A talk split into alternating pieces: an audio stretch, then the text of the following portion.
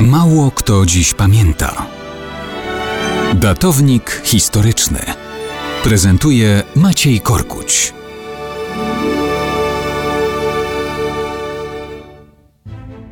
Mało kto dziś pamięta, że 28 maja 1371 roku, a więc równe 650 lat temu, na świat przyszedł Jean Saint-Père, czyli Jan bez trwogi. No, kiedy przyszedł, na pewno nie był jeszcze bez trwogi. Był najstarszym synem księcia Burgundii i następcą książęcego tronu.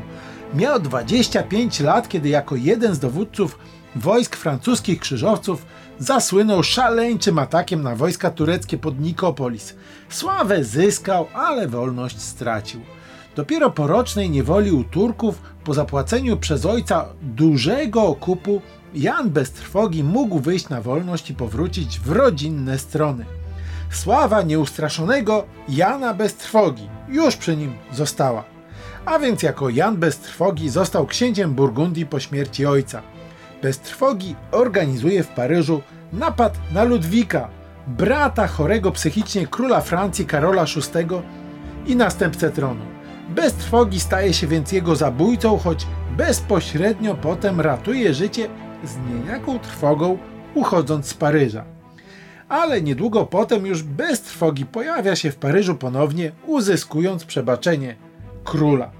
W czasie wojny domowej bez trwogi staje na czele Burgundczyków przeciw Armaniakom. Bez trwogi prosi Anglików o militarne wsparcie i dzięki nim zdobywa Paryż.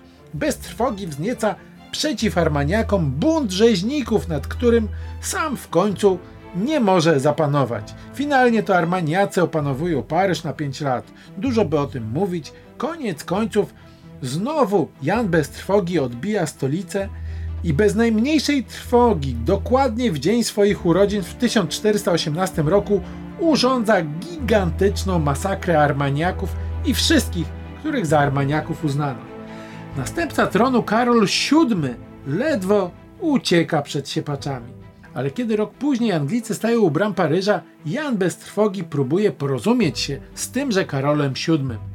Raz spotykają się bez skutku. Kilka miesięcy później spotykają się drugi raz na moście w Montreux. Tam w czasie dyskusji z Karolem VII jeden z rycerzy przyszłego króla zupełnie bez trwogi od tyłu podchodzi do Jana bez trwogi i również bez trwogi potężnym toporem zadaje mu śmiertelny cios w głowę. Z pewnością Jan bez trwogi nie miał nawet szansy przestraszyć się zabójcy, którego nie zauważył.